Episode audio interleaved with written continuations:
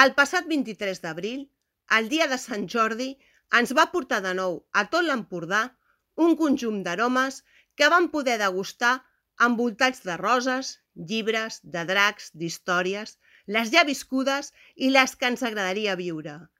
I un sol que ens va acompanyar a cadascuna de les viles d'una terra que estima i es deixa estimar, d'una terra que aprofita cada ocasió per poder desprendre l'olor a cultura,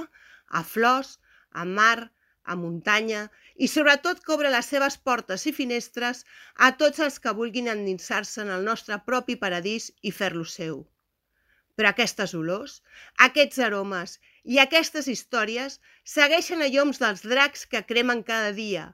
amb el foc intens que provoca una bona lectura,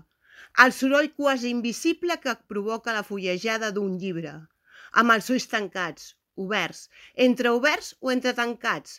perquè, gràcies al nostre entorn, el dia de Sant Jordi només és un recordatori per tots els que tenim el privilegi de viure a l'Empordà,